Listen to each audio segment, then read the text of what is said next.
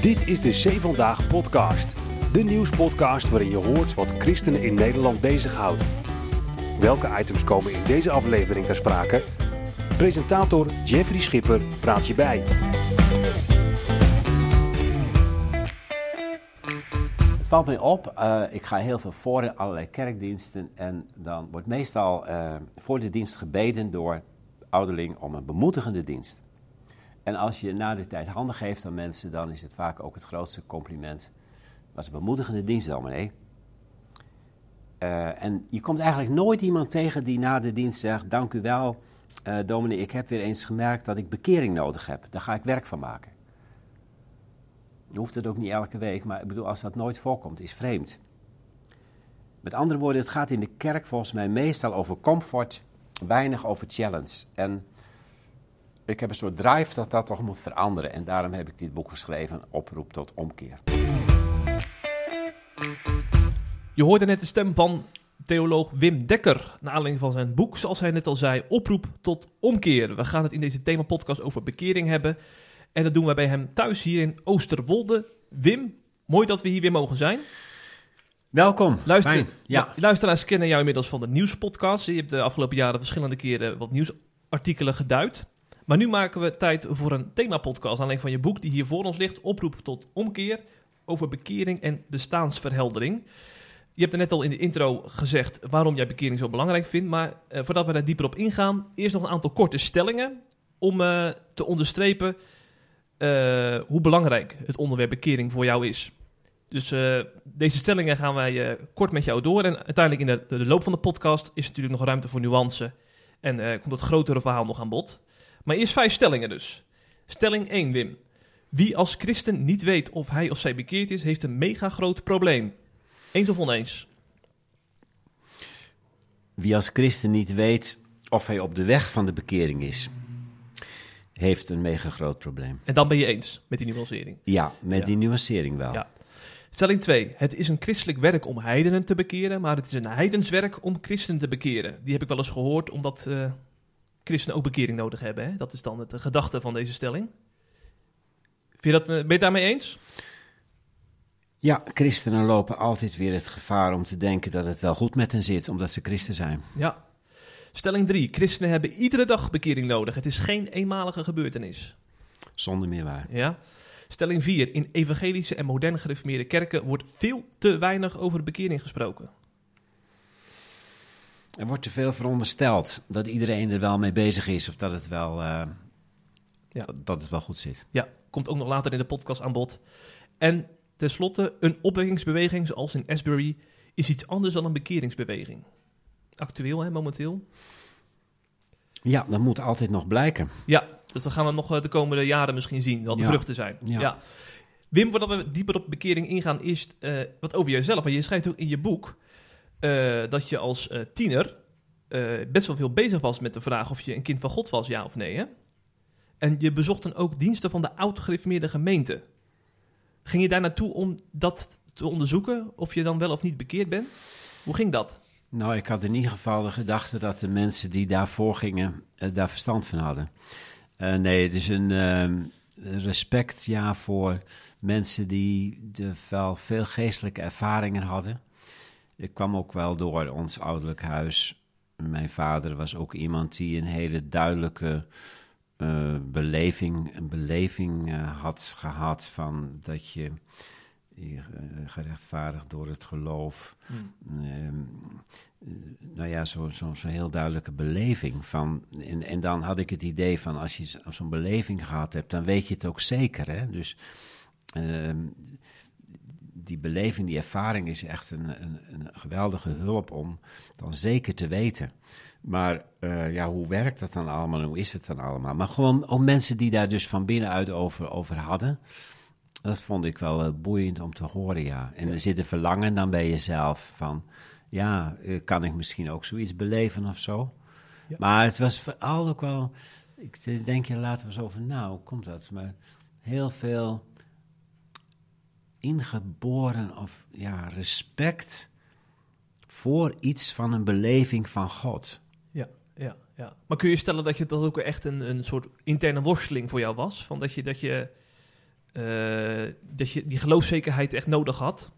Voor je eigen, voor je eigen geloofsleven. bent op zoek, ja, het was natuurlijk wel, omdat je het zo, als zo waardevol eh, ziet in je omgeving. En de mensen die dat kennen, dat je denkt, ja, maar dan ben je toch wel... Er is Zo'n tante van mij die dan zo zegt van weg wereld, weg schatten. Niets kan er bevatten hoe rijk ik wel ben. Ik heb alles verloren, maar Jezus verkoren wiens eigen ik ben. Als mensen zulke dingen vanuit de grond van hun hart zeggen, dan denk je, nou, ik weet niet precies wat inhoudt, maar het lijkt me iets heel rijks. Ja, toch Iets heel maken. bijzonders. dus. Ja, jaloers maken, zeggen ze dan, ja. Jazeker, jazeker. En dan het verlangen, maar ja, ik, ik heb wel gemerkt, daar kun je ook heel erg in verdwalen. Dus het gaat in het, tweede hoofdstuk van dit boek ook sterk daarover van... eh, aan de ene kant er moet wat met de mens gebeuren. Ja, het, het is niet zomaar goed met je en zo. En, eh, en beleving hoort daar ook bij, maar je kunt er ook zo in verdwalen. Later heb ik eh, dat veel meer ge- gezien. Van, ehm, er zit ook een psychologische kant aan. Weet ik hoe het allemaal zit. Maar als je te veel gericht raakt op hoe beleef ik het of wat beleef ik, dan kun je ook nog weer langs een omweg heel erg met jezelf bezig blijven. En de bevrijding is voor mij toch wel geweest dat je het van de andere kant, dat je zegt, er is. Dus jij bent, jij bent eh, altijd bezig geweest met deze dingen, maar dat is, dat is niet het grootste wonder. Het grootste wonder is dat God altijd naar jou heeft omgezien. Hè? En die, dat het van de andere kant komt. Dus dat, dat vind ik wel de, de bevrijdende Ja. Kennis eigenlijk hierin hoor. Ja, snap ik, ja. ja. Je hebt het nu over die andere kant. Eh, heel veel mensen die eh, in sommige kringen, die eh, zijn nog helemaal niet zo ver. En die, die koppelen dan bekering met name aan hun gedrag, hè? hoe dat tot uiting komt.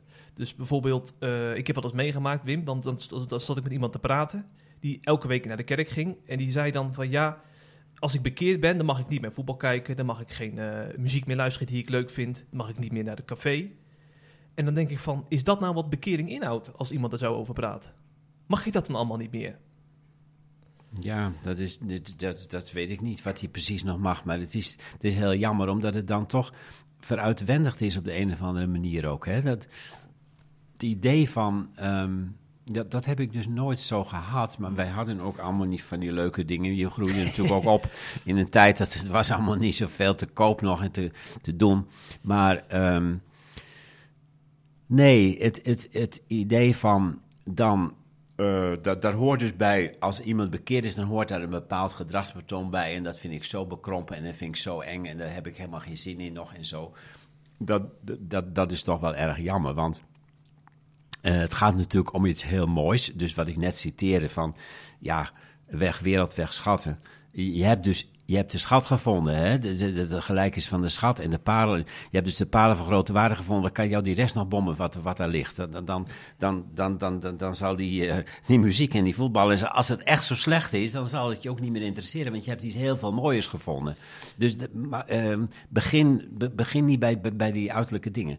Maar, maar, maar ook het moralistische, dus dat je de regeltjes verzelfstandigt, zeg maar, wat daar dan in zit, is ook bijzonder jammer. Want voor de een kan ehm, het eh, bezig zijn met voetbal, sport, eh, verslavend zijn en hem weghouden bij zijn geloof vandaan. Voor de ander kan het iets zijn wat hij met vreugde doet, eh, dankbaar dat hij, dat hij gewoon een heel sportief lichaam van God gekregen heeft en dat hij dat mag gebruiken. Dus ehm, dat soort dingen die hebben gewoon te maken met waar, waar zit je hart. Ja. En een afgod is, is altijd waar je hart aan hangt. Dus ja, voor mij zal voetbal nooit een afgod worden, want ik heb er niet zoveel mee. Nee. Dus als, ik, was, ik was een keer bij dominee Uitslag op Urk. Die was vroeger heel druk met voetbal. Die was natuurlijk heel goed in voetbal. Maar op een gegeven moment eh kwam dat roepingsbesef bij hem. En toen is hij helemaal met voetbal gestopt.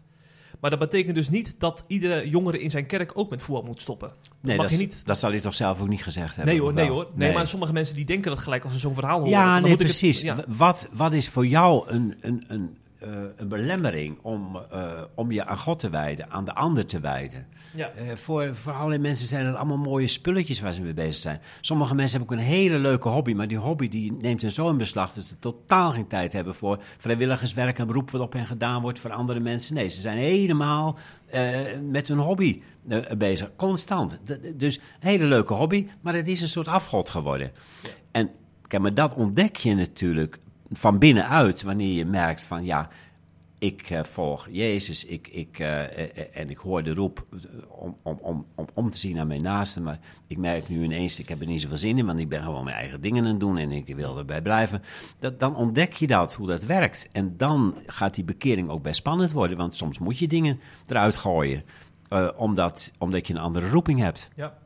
Zelf zeg je het zo in je boek. Bekering betekent ook steeds het opnieuw loslaten van egoïstische en zelfverrijkende praktijken komt nog meer achter, maar dit is dan even... Ja, ja, ja, het, zeker. Het hoort er helemaal bij, dat loslaten. Ja, en dat, Is, dat is dus, dus, zeker. En, en, en ik denk, ieder mens zal dat op zijn manier voelen. Dat kan niet anders. We hebben allemaal dingen dat we ontdekken, we zijn zoekers van onszelf. Zo werd het dan vroeger ook altijd gezegd. En dat zijn, dus in die ouderwetse taal van vroeger zitten ook wel heel veel ware dingen. Hm. Ook wat ik vroeger in die oud-gereformeerde gemeente hoorde. Ja, Dat we allemaal zoekers van onszelf zijn. Ja, nou, dat is zo. Ja. Eh, eh, dat kun je op een andere manier zeggen. Maar, en dat je denkt, dat botst dus ook, hè.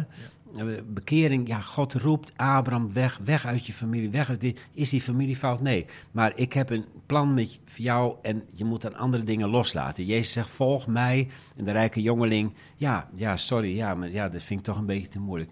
Maar, maar ook al heb je geen rode cent, dan heb je wat anders, waardoor het voor jou te moeilijk is. Ja. Nou, je zegt volg mij, want ik heb soms de indruk dat we het zoveel over bekering hebben en stoppen met wereldse praktijken, dat we vergeten dat er nog een hele weg daarna komt. Hè? Want uh, ik ken voorbeelden van mensen die gingen dan bijvoorbeeld hele dagen alleen maar uh, bijbelstudie doen en preken luisteren en zich helemaal vol stoppen met, uh, met bijbelkennis, wat heel goed is natuurlijk. Maar ik denk dan dat dat is toch niet alleen maar wat bekering inhoudt dat je de hele dag de Bijbel zit te bestuderen? Nee, de bekering, nee, nee dat is zeker niet zo.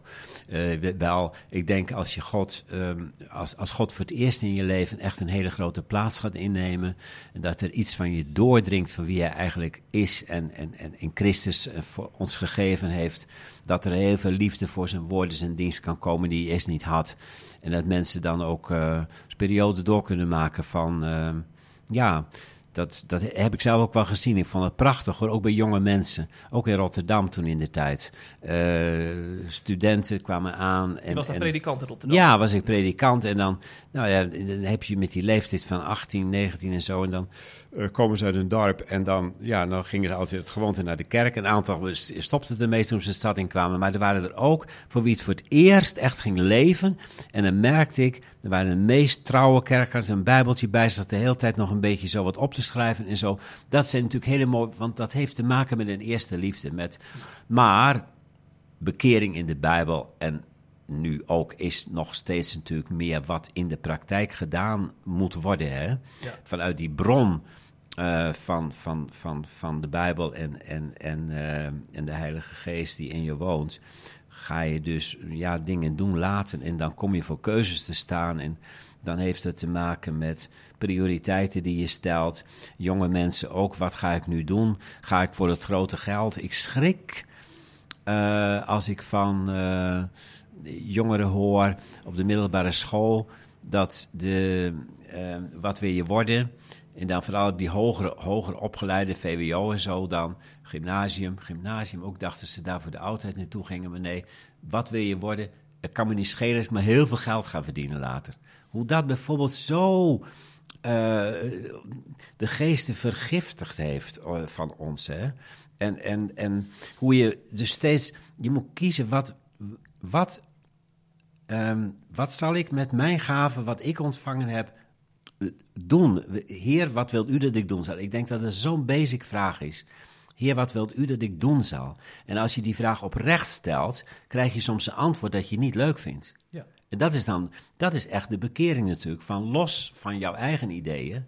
Nee, dit is de weg die ik ga. En nee, die, die tijd, zeg maar, dat je, dat je innerlijk geraakt wordt en dat je dan ook bijvoorbeeld veel meer bid en bijbel leest, ja, dat, dat, dat moet ook nooit in die zin overgaan. Maar dat is natuurlijk wel een begintijd van waaruit het leven zich gaat ontwikkelen, waarbij het voortdurend op de praktijk aankomt. Hm, ja, ja. En dan, en dan ga je ook uh, Jezus navolgen en dan ga je doen, dingen doen die hij ook zou doen. Dat, zo wordt het dan ook uitgelegd, hè? Wat wil Jezus doen? Ja, ja, dat, dat vind ik ook. Of is dat een beetje, ga ik dan te ver? Nou, wij weten dat, ja, wat zou Jezus doen? Dat weet je nooit helemaal natuurlijk, omdat je in een hele andere tijd leeft en zo.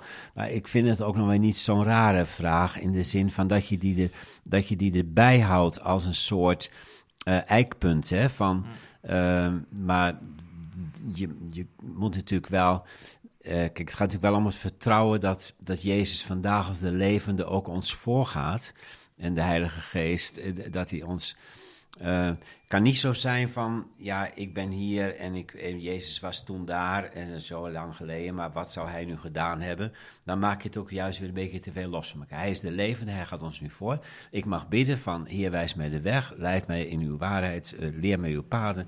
En dan vertrouwen dat al, als ik een beetje zo ga, ook, ook uh, ja, zoekend, het kan ook zijn dat ik toch over een tijdje denk, had iets anders gemoeten. Maar dat, dat ik zo in, in echt verlangen en gericht op hem en weg ga, dat hij mij leiden zal en dat het goed zal zijn. Ja, ja. Uh, maar wel, de, dat gebed, ja, ik heb dat zelf ook een tijd gehad.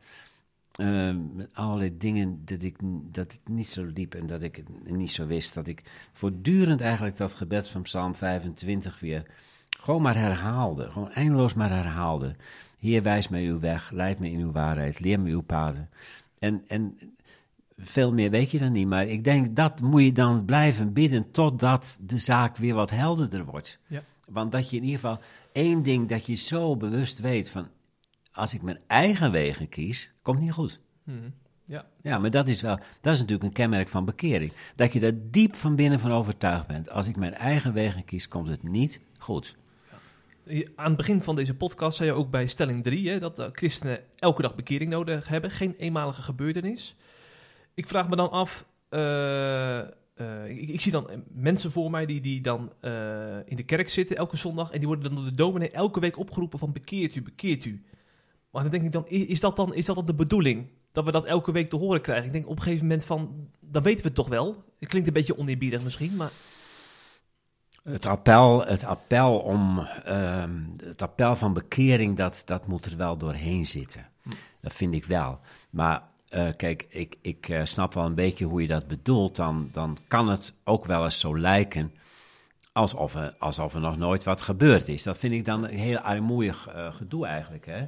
Dat je denkt alsof we elke week opnieuw op een zeepkistje staan om de mensen allemaal tot bekering te roepen. Terwijl we staan in de gemeente van Christus waar ja, je mag verwachten dat de Heilige Geest al een poosje werkt.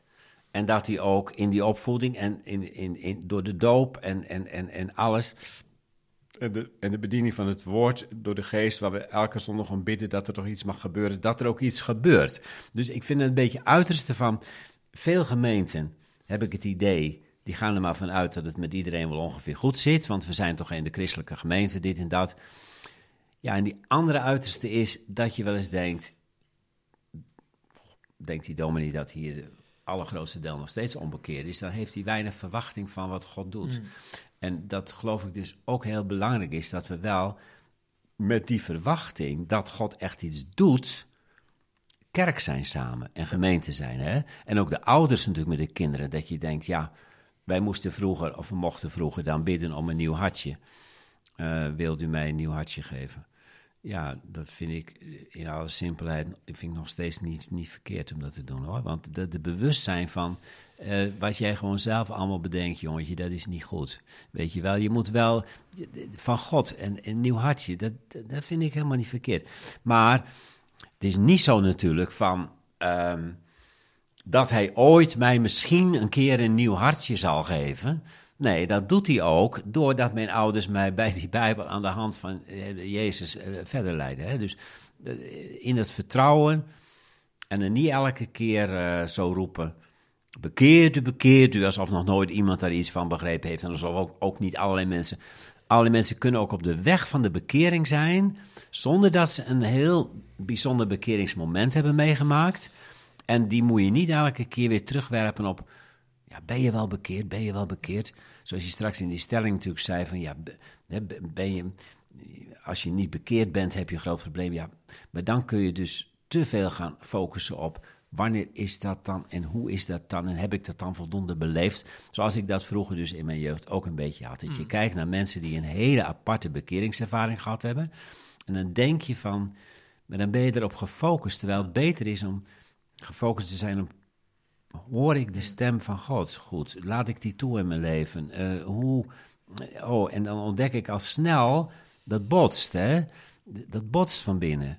Ja. En dan voel je ook dat je bekering nodig hebt, want dat, dat gaat niet zomaar van automatisch. Niet alleen mensen die elke week naar de kerk gaan hebben bekering nodig. Eh, ook mensen die helemaal niks met de kerk en geloof hebben, hebben natuurlijk bekering nodig. Ik, je, je verwijst in je boek naar eh, Jona, hè, de profeet, die naar Nineveh ging. Ehm, wat heeft dat verhaal eigenlijk tot ons te zeggen, Wim? Als we het hebben over eh, bekering en het bereiken van niet- niet-christenen. Ja, dat God, dit- het verhaal voor mij vooral ook dus verrassend, dat God blijkbaar ook werkt waar, eh, waar wij denken dat, eh, dat, dat, dat hij helemaal niet werkt. Eh Nineveh, ja, is meest goddeloze stad. En Jona heeft allemaal geen zin om erheen te gaan. En bovendien denkt hij van, stel je voor dat ze het nog gaan doen, dan zitten we helemaal met een probleem, want het is, zijn onze vijanden. Dus het is ook een, het is een verhaal natuurlijk wat heel sterk wil zeggen van... sluit alsjeblieft het geloof niet op in je eigen kring. Eh, gun het een ander ook. En, en zie ook dat God, die in jouw kerkje hopelijk werkt... maar dat hij ook nog wel hele andere pijlen op zijn boog heeft... en mensen in hele andere eh, eh, gebieden ook kan bereiken. En dan, dat is één ding. En het, en het tweede is dat me, dat me ook wel opvalt dat... Ja, het geweten. Hè? Ik had het straks al over het geweten. Wat, eh, wat in je geweten sp- spreekt. Maar dat eh, blijkbaar dat, dat dat ook zo is. Dus wij denken wel eens van. ehm, nou ja.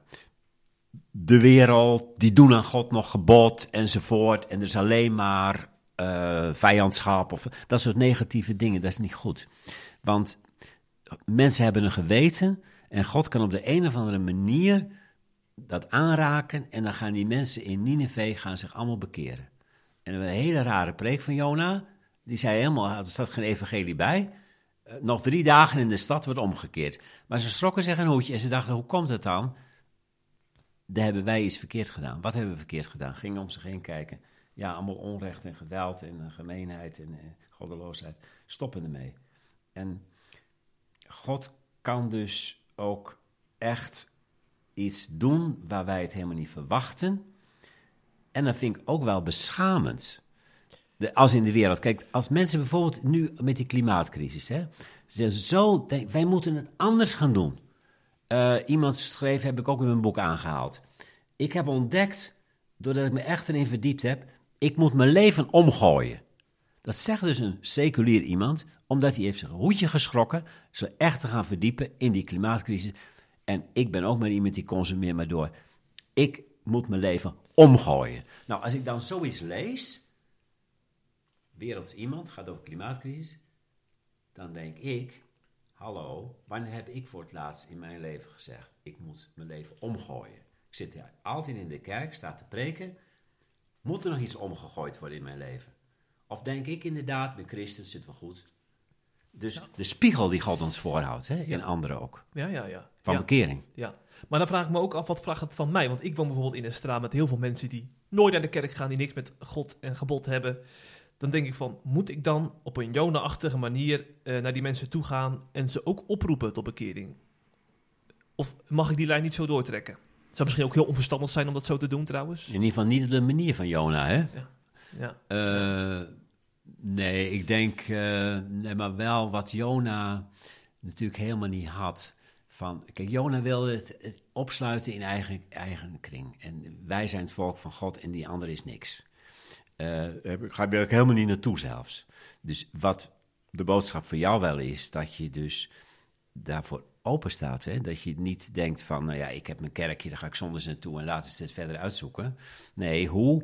Dus de vraag is dan naar jou toe, eh, hoe kun jij zo mensen eh, een spiegel voorhouden van, hé, hey, dit is nog een ander leven. Hoe doe jij dat? Of denk je, dat hoef ik niet te doen? Jawel, dat moet je wel doen. Dus spannend is dat wel hoor. ja, dat is spannend. Maar dat- of jij daar nu moet gaan foldertjes verspreiden, of dat je gewoon moet, moet, moet praten, of dat je gewoon iets moet doen. Ehm, of dat je gewoon heel getrouwelijk elke zondagochtend je deur uitstapt en dan ga je dus naar de kerk en dat is vrij duidelijk en dan kom je weer terug. En ehm, hey, eh, en dan vraagt een buurmeisje misschien een keer, mag eh, jullie kinderen spelen op on- verjaardag? Ik bedoel maar een voorbeeldje, weet je wel. Ja, dat doen we eigenlijk niet op zondag. Oké, dan een beetje raar. Nou ja, dan leg je netjes fatsoenlijk uit en zo.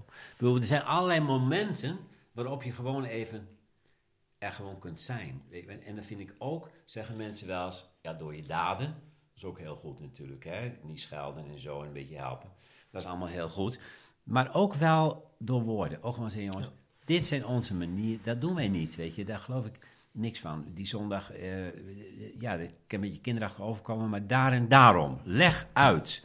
Durf jezelf te zijn. En heb vertrouwen dat God er iets mee kan doen. Want het blijft natuurlijk toch apart. in die- Kan God ook iets in die rare mannen in Nineveh? Ja, dat kan hij dus wel. Kan hij dus met die luidjes bij jou in de straat ook? Ja, ja, dat moet je nooit vergeten. Nee. Ehm, ik, eh, we gaan weer even terug naar de christelijke wereld. Want eh, je hebt natuurlijk net niet aan het begin van de podcast een fragment horen... waarbij je echt duidelijk zei van... nee, je krijgt toch vaak te horen van... Hè, bedankt voor de bemoedigende dienst. Terwijl je toch ook vaker wil horen... eh dominee, dank u wel. Want ik heb gemerkt dat ik weer eens bekering nodig heb. En dan hoor ik de laatste tijd ook heel veel geluiden... van mensen die klagen over bijvoorbeeld de evangelische wereld... of de weer meer moderne gereformeerde wereld wanneer dat geluid echt nauwelijks klinkt. En dat eh, die theologie veel te weinig doordezemd is van de bekeringsoproep. eh, eh, Gods oordeel dat dat niet meer klinkt. te weinig nadruk op zonde, zondebesef wordt gelegd. Herken je in die kritische geluiden van mensen die dat, die dat uitspreken over deze groepen? Ja, dat, dat, dit, dat boek heb ik ook wel een beetje geschreven vanuit een ontrusting daarover. Dat ik dacht van, je moet al helemaal in uiterste hoek van de kerk zitten, wil je dus dat woord bekering nog De horen. Revozel met name hoor je dan. Ja, en, da en daar klinkt het dan vaak een beetje zo als het ehm tamboer op hetzelfde aanbeeld voortdurend. Dat je denkt, wat bedoel je er dan weer precies mee? Want nou, die coronatijd vond ik dus heel leerzaam ook wat dat betreft. Hè? Dat je dus ehm, dan in zo'n periode, waarin het leven helemaal ontregeld wordt, en corona natuurlijk een pandemie, is niet gering, dan hoor je dus uit die revo-kring weer preken van, ja, de oordelen van God hangen laag en zo. Denk, Oké, dat zou kunnen, eh, maar hoe dan precies? En wat doen we dan allemaal precies verkeerd? En wat wordt er dan? Nou, dan gaat het over LHBTQ of nog een paar dingetjes. Ja, dingetjes niet, ik bedoel, ik, maar ook weer zo beperkt. En ehm, zou onze hele manier van leven ermee te maken hebben? Onze westerse welvaartsstijl. ehm, die bekering is dan ook weer erg gericht op, op, op, op, op ons eigen kleine leven en eh, geestelijke zaken die we anders moeten doen. Meer tijd voor Bijbel of gebed of... Denk, ja, maar het is het hele leven. En, en dat, nou, en, maar, maar dan zou je dan verwachten dat bij die eh, linkerflank, om zo maar te zeggen, waar men altijd wat meer in de wereld gestaan heeft, de cultuur, eh, open naar de cultuur, dat daar wel dan die vraag sterk zou zijn van wat wil God ons nu met deze dingen zeggen? Eh, moeten we ons levenspatroon omgooien? Of wat, wat, wat doen wij verkeerd? Of laten we in ieder geval des te vuriger zijn aangezicht zoeken in deze dingen. Maar nee, ik kwam in hoofdzaak waarschuwingen tegen. Tegen dat we vooral niet moesten zeggen dat de oordelen van God waren, want dat was absoluut niet zo. Dan vergroot je de kloof met de rest van de mensen. Ja, ja, dat vond ik helemaal. Dat ik, eh, ah, kijk, ik weet ook niet alles, maar absoluut niet een oordeel van God. Absoluut niet. Hoezo niet? Wat niet? Wij- Dat zou best eens kunnen zijn dat God in die dingen tot ons spreekt. Ik denk het zelf eigenlijk van wel. Nou, en in de tweede plaats van ehm, ehm, de, de boodschap die dan wel uitgedragen wordt. God is erbij, God zorgt, God helpt, God steunt. eh, God als therapeut. Hoor, al maar troost en troost en troost. En of het nu de nieuwsbrieven waren van de PKN, of dat het dus de EOBIM-diensten waren, de trend was voortdurend. Het is allemaal beroerd wat we nu meemaken, maar God is liefde, vergeet dat nooit. En hij troost, hij heeft hoop. En het komt goed. Ik heb wel, iemand zei wel eens van die PKN-preken van de doorsnee. Ja, dat is natuurlijk niet helemaal eerlijk, maar eh, je moet ook een keer wat zeggen dan van... In feite komt de boodschap erop neer, steeds weer opnieuw. Het kan moeilijk lijken, een poosje, en het is soms ook moeilijk, maar uiteindelijk komt alles goed. Ja. Nou, en als dat de, als dat de boodschap is, dan, dan klinkt het even heel mooi. Vervolgens denk ik, nou, nu weet ik het ook wel. Het komt dus toch wel goed. Het kan moeilijk lijken, maar dan hoef ik niet meer voor naar de kerk. Ik ook naar het humanistisch verbond Er zit geen spanning in, er zit geen uitdaging in. En, en ook niet dat we, dat we ons. Als je steeds in de kerk zit en er is niet één keer bij dat je een ongeluk schrikt. Tik aan mijn jongens, het moet anders. We doen het fout. Ik doe het fout. Wat doe ik fout? Dat je niet getriggerd wordt. eh, in de spiegel kijkt. En, en, dat, en misschien ook dat je voor het eerst, hè, want dat, dat wordt dus, dat wordt bijna niet meer gezegd in de doorsnee kijken, dat, dat je dus, eh, je wordt niet gelovig geboren. Dus dat geloof, dat kan wel natuurlijk langzamerhand groeien en hoeft niet zo'n speciaal bekeringsmoment mee te maken, maar er moet wel wat gebeuren. Het is niet zo van, ik ben in die kerk geboren en het komt wel goed. Dat weten we natuurlijk intussen ook wel, want tig mensen zijn afgehaakt. Juist in die kerken waar ze het zo hadden over, ik ben een kind van God door het verbond, door de doop en allemaal kinderen van God hier. Ja, ze zijn bij bosjes verdwenen. Hoe zat dat dan? Is er wel genoeg gesproken over de noodzaak van een innerlijke verandering? Dat, dat meen ik serieus. Ja, dat, ik, ik twijfel eraan. Ik denk, we hebben veel te veel in die, in die eh, zeg maar, die eh, vriendelijke kerken. Veel te veel de mensen over de bol geaaid. Je hoort er allemaal bij, het is wel goed. Maar hoe verklaar je dat dan? Want als je dan jouw boek leest, dan zie je hoe van Oud tot Nieuw Testament de notie van bekering overal eruit springt door heel de Bijbel. Dan denk je, hoe, hoe kan dat dan? Dat dat, dat, dat niet klinkt in, in heel veel eh, kerken. Heeft dat met de tijdgeest te maken, van, eh, de cultuur? Nou ja, dat zijn natuurlijk, ja, absoluut. Eh, er zijn natuurlijk verschillende dingen van. Kijk, het godsbeeld, dat dat vooral de liefde is. Ja, dat is. Dus dat, er zijn mensen die maken een groot onderscheid tussen het Oude en Nieuwe Testament. Zeggen het Oude Testament was God wat streng en het volk eh, steeds ongehoorzaam. Maar ja, goed, dan waren er oordelen en zo. Maar dat hebben we nu wel eens een beetje gehad. Toen kwam Jezus. En toen heeft God veel meer laten zien dat hij ook liefde is. En Jezus is eh, voor de verzoening, voor de hele wereld. Dus een soort idee van de ja, verzonde wereld, verzonde mensheid. En ehm, nou, nu hebben we het over God als liefde. Dat, dat, is een bepaalde manier van bijbelezen die ik niet meemaak. Ehm, en dat idee van God alleen maar liefde is en dat het uiteindelijk goed komt. Ja, dat is een soort humanistisch ideaal, vind ik. eh, wat, wat helemaal niet zo bijbels is. Ook niet dat het met die hele wereld uiteindelijk wel goed komt, de verzonde wereld. Er gaat veel meer in de Bijbel toch over dat ook door de oordelen heen gaat, uiteindelijk door de crisis heen gaat. En, eh, dus maar, maar al, ja, dat, dat, dat is tijdgeest, zou je kunnen zeggen. Ehm, maar, aan de andere, maar daarnaast dus ook iets van ja, dat wij als christenen dan toch wel allemaal mogen weten dat we een kind van God zijn. Je hoeft dat helemaal, ja, die vraag waar ik in mijn jeugd mee zat, die hoef je helemaal niet te hebben. Natuurlijk ben ik wel een kind van God. gedoe. We zijn allemaal kinderen van God. En dat is allemaal goed. En dan moeten we wel een beetje opletten dat we niet eh, natuurlijk helemaal verdwalen. Maar dan is ook, eh, God is ook niet zo gauw boos. Nee, ik, ik zeg het wat simpel, maar kijk, dat, maar dat de noodzaak is dat wij een innerlijke verandering meemaken. Dat er een barst loopt door ons leven. Dat altijd het gevecht blijft tussen oude en nieuwe mens. Dat soort dingen, die worden gewoon eh, veel te veel genegeerd. Ja. Laten we even een kijkje nemen naar de andere kant van de oceaan. Want we nemen deze podcast op ongeveer een maand nadat daar een bijzondere beweging gaande was hè, aan de Asbury eh, University in, in Kentucky.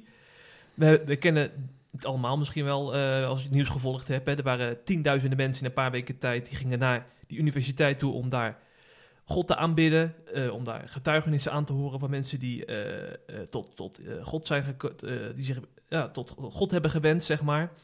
En daar aan de lopende band worshipliederen zongen, God aanbaden. Dat heeft wereldwijd het nieuws gehaald. Hè? Een soort van revival werd het genoemd, opwekking. Eh, is dat dan een beetje waar, waar je blij van wordt als jij zo de noodzaak, eh, de oproep tot bekering eh, ja, wil promoten door middel van je boek? Is dat wat je, wat je, wat je voor ogen hebt, zeg maar, zo'n soort beweging? Of is dat het begin van? Ja, dat zijn wel uitzonderlijke dingen waarbij je tegelijk ook wel weer denkt van, is er dan een soort massa, psychosische, psychose weet je wel. Dus Ja. die psychologische kant daarvan, Ja. die houdt je eh, natuurlijk ook wel zo bezig, omdat er op allerlei andere terreinen ook zulke soort bewegingen kunnen zijn. En een religieuze beweging kan onder de hindoes en de boeddhisten en zo ook zo zijn. Eh, en het heeft altijd iets ook met, een- met een, eh, een, een massa emotie te maken. Maar, maar het kan ook... Het, het kan ook het begin zijn van iets nieuws van God, hoor. Dus ik, ik, ben, ik ga het nooit negatief eh, benaderen, want ook al begint het allemaal heel emotioneel en eh, denk je, ja, eh, blijft het ook niet in de emoties hangen? Er kan ook eh, vrucht uit voortkomen. Het moet, kijk, op de een of andere manier moeten mensen toch een keer weer getriggerd worden. Ik, ik weet niet precies de achtergrond. Misschien waren veel mensen als Southern Baptist of zo. Daar hebben ze even goed al wat ernstige preken gehoord natuurlijk. Maar ehm, nee, in de kerk kan het zo allemaal zo gemoedelijk. En nou ja, goed, je hoort er wel bij of niet. Of, ehm, maar die, die, dat, dat het een schok is dat je eens een keer eh, helemaal weer van je sokkel geblazen wordt. Dat gebeurt in de kerk natuurlijk lang niet altijd, hebben we het net over gehad. Dus dat kan zijn dat er zo eens een keer eh, zo'n beweging door de geest toch gewekt wordt. eh, die dwars door de kerken heen gaat. En universiteiten, universiteiten zijn trouwens vaak vernieuwingsbewegingen begonnen. Hm. Dus ik, ehm, ja, kijk, al, al de publiciteit eromheen, en vooral dan als de uiterlijke verschijnselen allemaal benadrukt worden, dat doet er vaak geen goed aan, want dan, dan kun je dat scepticisme van eh, allemaal emoties en zo kun je dan voeden. Maar als ik lees dat ze dan voortdurend met bijbelstudie bezig zijn in het gebed en dat ze, ja, dat ze echt een berouw tonen over dingen een nieuw begin willen maken. Ja, laten we, laten we meebidden dat God dat gebruiken wil om, om, om een vernieuwing te geven in allerlei gemeenten. Dat zal dan in de toekomst gaan blijken. Ik hoop het. Is ook het gebed van veel mensen in Nederland. Hè? Dat hier mensen opstaan die eh, eh, verdriet krijgen over, eh, over hun eigen zonde. En dat er ook een beweging ontstaat binnen de kerken. Waardoor, ja, hoe moet ik het zeggen, dat, dat, die, dat die gelatenheid verdwijnt. Hè? Die, die je toch ook op sommige plekken ziet. Is dat de wens die je met hen deelt? Dat we dat in Nederland ook nodig hebben, zo'n beweging? Of is het dan weer een beetje te, te veel eh, van we moeten het zelf doen? Nou ja, we kunnen het in ieder geval niet gaan beleggen. Nou ja, we kunnen het niet gaan beleggen. Ik was, ik was in de tijd, dat was rond de millenniumwisseling, rond 2000 is er een grote bijeenkomst geweest eh, in de Domkerk van eh, allerlei denominaties van eh, christenen uit kerken.